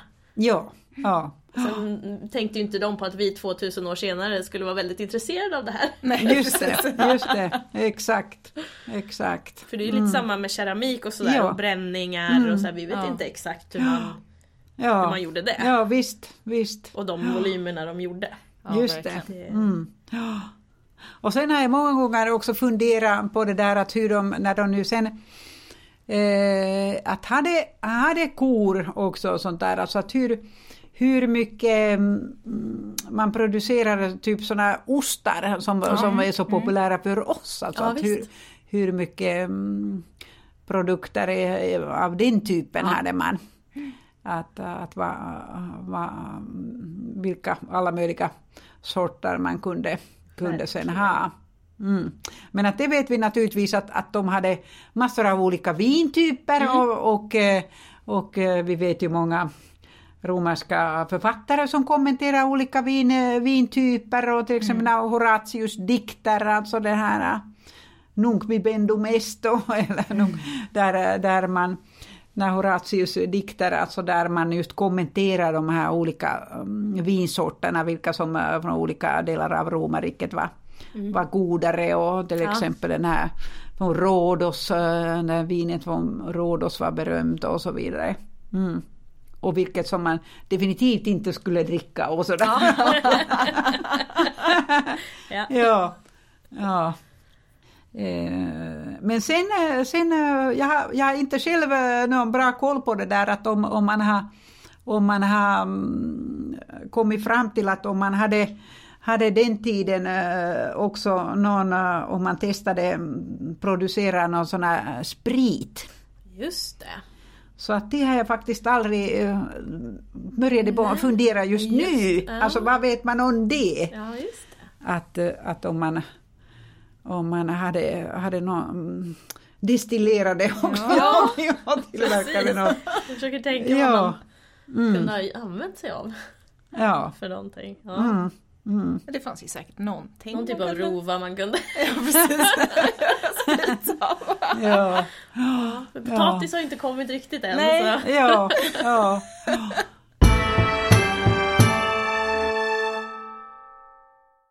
Och eh, just på tal om, på- tal om alla dessa bakelser, eh, alltså då finns det en eh, mycket intressant detalj att man hittade just bredvid det största bageriet från Ostia, nästa, nästa kvarter. Och då hittade man för hundra år sedan utgrävningar såna hundratals såna konstiga äh, äh, former som ser ut som gjutformer. Former i terrakotta, eh, såna här, eh, bränd lera som, är, som representerar olika motiv. De eh, representerar, alltså kan vara till exempel såna berömda scener från någon antik tragedi, till exempel såna Euripides, Ifigeneia, Ja. eh, in Aulis eller um, eh, olika eller komedier, men också såna scener där vi har någon uh, såna gladiator, gladiatorspel eh, eller såna djurspel där, där eh, man slåss mot något um, vilddjur. eh, Och också, också såna uh, vissa former där vi har just exotiska djur som slåss mot varandra. Till exempel uh, såna här uh, leoparder som hoppar på en eh, giraff och så Oj, vidare. ja. Ja, och alltså hundratals sådana såna, uh, former hittade man.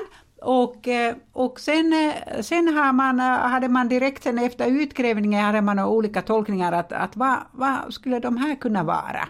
Att vad har de för funktion? Och, och det som jag tycker är den mest spännande tolkning som, som man har fått höra höra är det att, att dessa skulle ha varit såna former för att just tillverka nå någon slags bakelser. Bakelser som man, som man sen eh, antingen gav som eh, kanske mm, priser eller som gåvor när man hade, hade just eh, till exempel tillställningar på teatern eller, eller något sånt. Ja. Men alltså det vet vi inte säkert. Nej. Men att det är Nej, helt enastående. Ja. Alltså helt märkligt. Hundratals hundratals sådana här former, former och, och där man har dessa, dessa olika. Så att, att, att sen har man förstås, alltså där, där på museet har man tagit, eh, gjort alltid sån här eh, gips, gips eh, av, den här avgjutning av, av, av det varje varje sån här form. Och, och där man får, får sen, sen den här det här motivet sen i relief så att det kommer eh, fram tydligt. Men hur stora att det- var de här? Ja, No, de är såna här typ eh, 20 centimeter långa och 10 centimeter höga, någonting sånt. 10-15 centimeter höga. Ja, som en sockerkaka. med- Ja men lite. Ja, precis. Ja, så att frågan är att det kanske var någonting sånt som man kanske sålde i samband med tillställningar som man hade, hade där i teatern och så vidare. Men att sen eh, är, är också en, en intressant eh, fråga det att, att eh, var hade man amfiteatern? Var i Ostia? ja. Att det man har hittat är, är bara teatern som finns där i centrum. Men man vet fortfarande inte var uh, den här amfiteatern var, där gladiatorspel skulle ha varit och, och, och alla dessa djurspel mot vilda, vilda djur. Eh, och inte heller um, stadion, Nej. alltså för Nej, kapplöpningar just och sånt. Men hur mycket Så att, är det eh, utgrävt? Vet, Eh, Så att det är nu mycket som inte är Nej. framgrävt och, och det så att äh, jag tror att, jag skulle kunna tro att denna amfiteater har varit utanför stadsmurarna. Och det är det området som, äh, som man har forskat mycket lite. Alltså Ja. att, äh, ja, så att det är fortfarande kan man säga halva staden äh, som, som inte är framgrävt och, och också hela området, området mot förorterna. Alltså att där är mycket som, är, som är inte Nej. studerat och, och det måste vara där de hade Ja. gladiatorspelen och, och djurspel. Men det är också, det, dels är det ju väldigt dyrt att gräva. Dels tar det väldigt lång tid och dels Mm. Precis. måste man jobba jättehårt för att bevara det man har grävt fram. Ja. Just Så det är mycket därför man inte gräver idag också. Exakt, det är så. Det är så. Och när det dessutom finns eh, tusentals och åter tusentals fynd som är opublicerade ja. i Ostias Ja. eh, fyndmagasin på grund av detta att Benito Mussolini på 30-talet tänkte, eh, hade planerat att organisera en stor eh, världsutställning 1942. Och eh, då ville han, han, han, han byggde ju till Eur, eh, en ny förort då mellan Rom och Ostia, där, där han byggde gigantiska museet också, Museo della Civiltà Romana, som visar hela Roms eh, fina historia och där man har kopior och sådana modeller på alla möjliga berömda byggnader och städer i hela romarriket. Och, eh, och sen, eh, sen var just den här idén att eh, kopplat till den här utställningen där skulle man ha sen Ostia, stor del av Ostia då framgrävd Ah, ja. som en del av utställningen. Och då startade man såna här gigantiska utgrävningar på flera ställen i Ostia mellan 1900, eh, från 1938 och fortsatte i fyra år. Ja. Och man grävde fram eh, i jätterask takt och eh, dokumenterade ytterst dåligt Ja. eh, vad man hittade var och därför finns det mycket mycket, mycket material från dessa utgrävningar, fyra års utgrävningar i, eh, i Ostias fyndmagasin som fortfarande är opublicerade. Så att där finns fortfarande mycket kvar att göra, Ja. men att det stora problemet är, det, är just det här att i de flesta fallen vet man inte, vet man inte exakt var dessa fynd eh, kommer ifrån. Alltså att att då eh, dokumenterade de vara i detalj såna naturligtvis lite mer i detalj eh, skulpturer. Ja. Ja. Som man, Såklart. så att, ja. Så att det, och, och sen vet man ju också att, att då försvann en del, del förstås av fynden och, och man Ja. hittade smycken och allt möjligt. Ja. Och, under krigstiden och så, så att, eh, att det, det är det som är Ja. just eh, problemet att, att eh, just under de senaste åren att man hade försökt just starta eller gå igenom alla dessa gamla foton och ritningar och allt möjligt som man, som man alltså från de här åren för att eh, försöka återskapa alltså vad som hände vad som hände då och, eh, och hur det såg ut eftersom, eh, eftersom man um, uh, Benito Mussolini hade dessutom anställd en arkitekt, arkeolog, Italo Gismondi, mm. som gjorde alla de finaste såna små modeller av, mm. av Ostias byggnader och mm. höghus och så mm. vidare som man fortfarande kopierar. Så att Italo Gismondi eh, gillade restaurering och han, han ville, och rekonstruktioner. Ja. Oh. Ja, så att, att då blev det just, just på grund av uh, sådant, hans, hans vilja det här, alltså att och förstås Mussolini också ville, sen så att då återskapade man också, rekonstruerade ganska raskt teatern, mm. Ostias teater, hela kan man säga halva eh, överdelen är, mm. är rekonstruktion från den tiden och, eh, och vissa, vissa av här höghusen har blivit också mycket, mycket eh, ja, kraftigt rekonstruerade mm. just under de, de åren. Mm. Och då får man, för att kunna, kunna sen lista ut hur de eh, egentligen såg ut och, och, eh, och möjligen kanske skulle ha sett ut eh, helt annorlunda under antiken. Ja. Då måste man just gå, gå tillbaka till de här gamla utgrävningsritningar och mm. alla gamla foton mm, och som, som är inte så noggranna. Och det, ja. det är en sån här, ett stort arbete för, för forskare ja. försöka lista ut, lista ut och, Eh, och just därför är det, är det så viktigt att när man planerar eh, nya utgrävningar till framtiden att, att den här planeringen måste eh, göras mycket noggrant och att, mm. att det här alltså att man inte förlorar någon information. Ja, verkligen. Mm. Det är just det där all den här förlorade information, alltså om de bara hade dokumenterat väl, hur mycket information hade vi inte haft av det? Just det. Mm. Ja, precis. Det, det, det, gäller ju inte bara att, att, gräva fram saker, alltså det är ju inte det vi får information. Det är ju liksom var saker ligger, var ja. man har hittat, i vilken kontext och vad man kan säga om allting. Mm. Just det. Ja, jag blir upprörd. ja, eller hur! Ja, eller hur! Ja, eller hur? Men för Mussolini var det bara viktigt att visa att vi är släkt med de antika romarna. Ja, ja precis. Det och det är därför han startade, byggde ny, nytt nya förort i Rom, alltså där man imiterade ja. Ostias höghus. Mm. Så att de var inspiration, alltså den här Gismondis eh, roliga ja. rekonstruktioner sen, alltså att det, ja. det är det som man använde som modeller för att bygga mm. nya höghus i nya, nya kvarter i Rom också. Ja. Så att det... Ja, men det är ju både ja, men, fascismen, nazismen, Mm. Rasismen i Sverige till och med. Vi vill ja. gärna, ja men vi är nog lite släkt med vikingarna egentligen. Ja. Mm. Mm. Jo, man ska gärna framhäva det förflutna ja. och hur bra man var. Och, mm. och, då är det mindre viktigt om hur det faktiskt var och såg ut. Utan bara våran bild av hur vi vill att det ska se ut. Ja, ja just det. Ja, just det.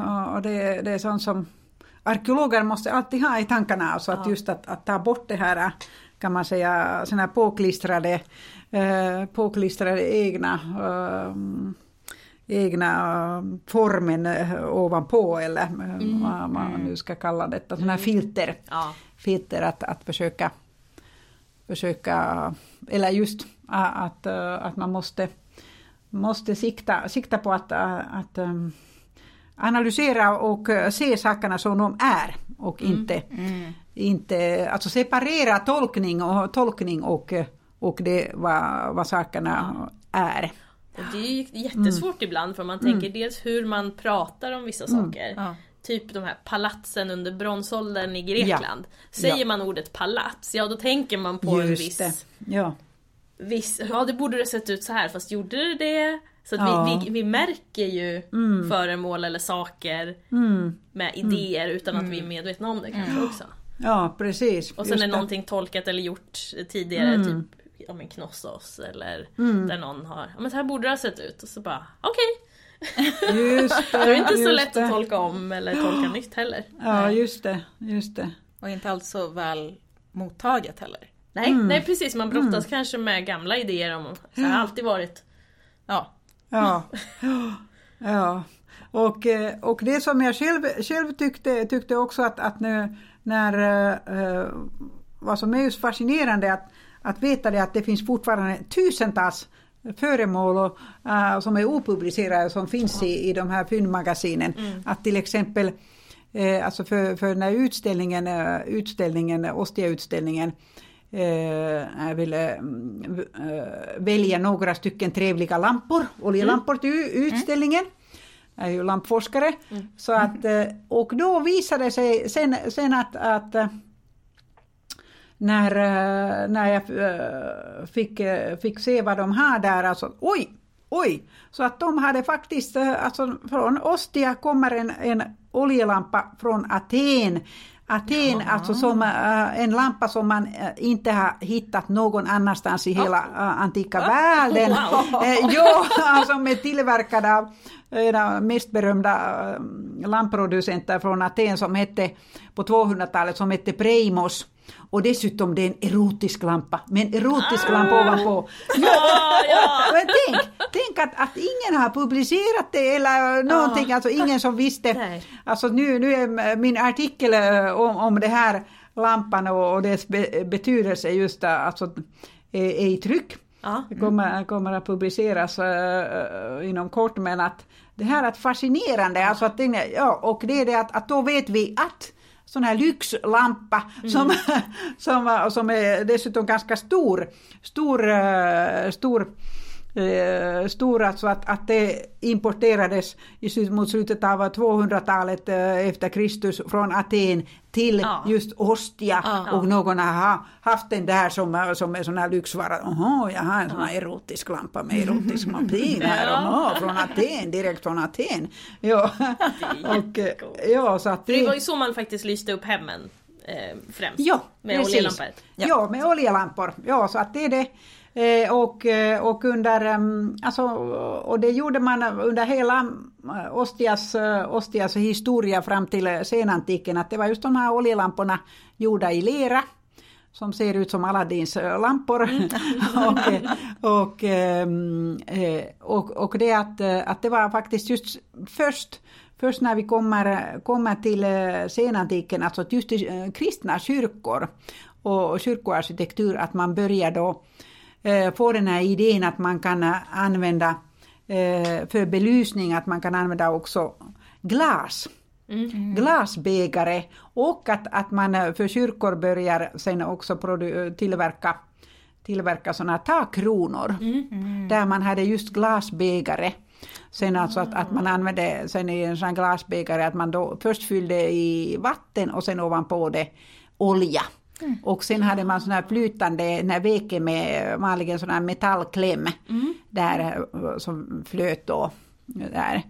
Och, eh, och det, är, det är en sån här alltså att som är eh, senantik uppfinning alltså till de här tydligen just sådana här finare, finare byggnader och sånt där. Och först då kommer, kommer man också, börjar man an, använda och tillverka sådana här vaxljus. Ja, men att det var ju, Nej. eh, ja, men att århundraden bara sådana här Aladdins lampor som man hade överallt. Ja, och därför man hittar sådana överallt när man Ja. gräver, gräver i Ostia, dessa husruiner Ja. från olika perioder och, och det är också en sån, när man hittar sådana i utgrävningar, att, att mycket eh, bra sätt att, att få just en datering till byggnaden. Tillsammans med, med såna, när man hittar vanliga eh, eh, keramiska kärl, alltså när man har kökskeramik och sånt där som man också kan nu för tiden forskare kan datera ganska noggrant. Och sen naturligtvis sen också amforor, dessa förvaringskärl på, som, eh, som när man importerade um, olivolja eller, eller just eh, olika vinsorter på olika håll i romarriket. Så att, att när man använder dem för att kunna sen datera olika lager Ja. i, när man hittar, hittar eh, bitar av, av dessa, dessa föremål. Och, eh, och just också därför att både de här förvaringskärlen, amforor, eh, och också sådana som man kallar för terra sigillata, sådana där finare kökskeramik under kejsartid. Men också de här oljelamporna, att de hade tillverkarens namn där i botten.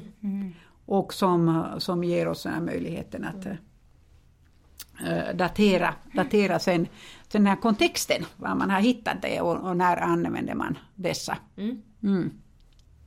Så att det är det. Och sen förstås, sen måste man eh, komma ihåg att, att vi har från Ostia en av de finaste lampor som använde, användes i egyptiska kulter, i Isis-kulten. En skeppsformad eh, en lampa, lampa som har 11 stycken veken alltså, och som Wow. är gjord som eh, avlång, eh, sån här typ 30 centimeter lång eh, och som är format som en skepp. Och där har man eh, på ovansidan eh, bild, eh, bild på eh, en reliefbild på, Isis, gudinnan Isis och sen ena ändan är då byst av eh, sen eh,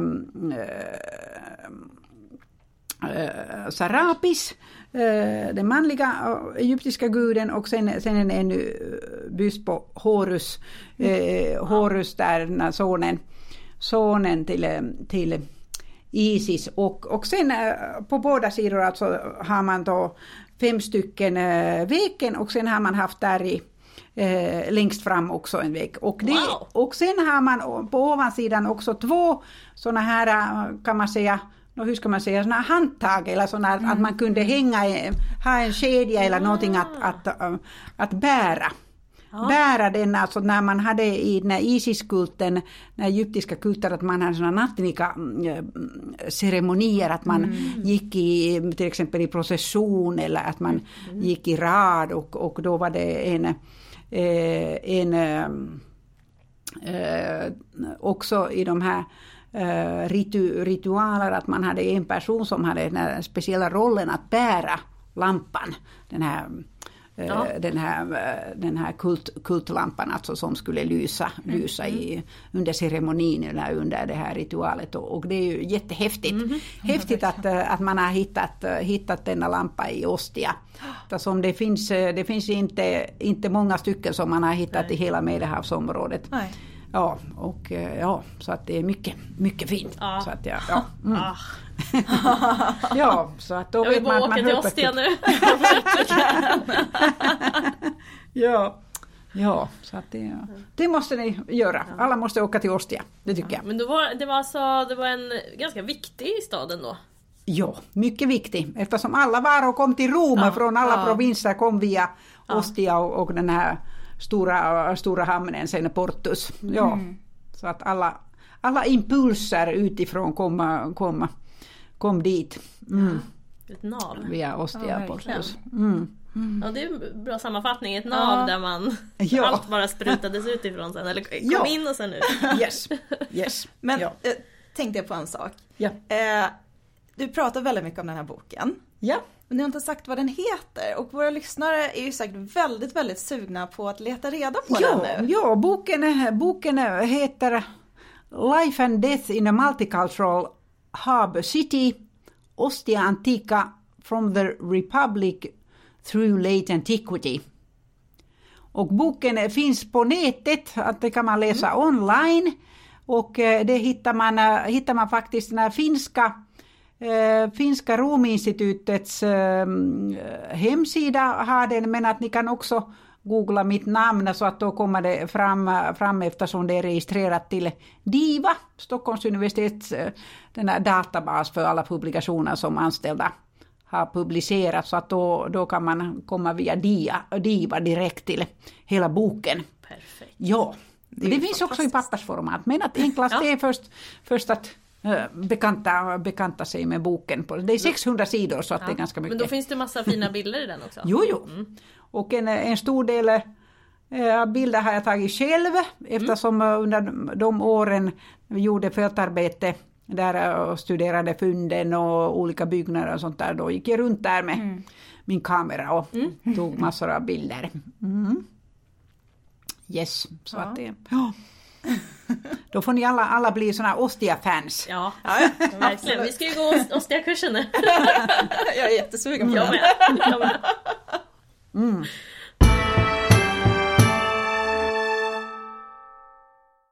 Ja, Ja. det var, det var, Det var, tack så Väldigt- jättemycket. väldigt Det var- lärorikt. Ja. Ja, verkligen. Jag har suttit Ja. och bara så här haft öppen mun hela tiden Ja, och bara jag wow. vet, känner jag. Ja. Wow, ja, stort Okej. tack! Stort Eh, tack. Ja, ja. Ja, om, om våra lyssnare har några frågor så kan ni mejla oss så förmedlar vi det vidare till Arja. Ja. Mm. Eller Instagram eller Facebook. ja. Eh, ja, med det så får vi väl tacka för oss. Ja, och tack, Tack för idag och på återhörande.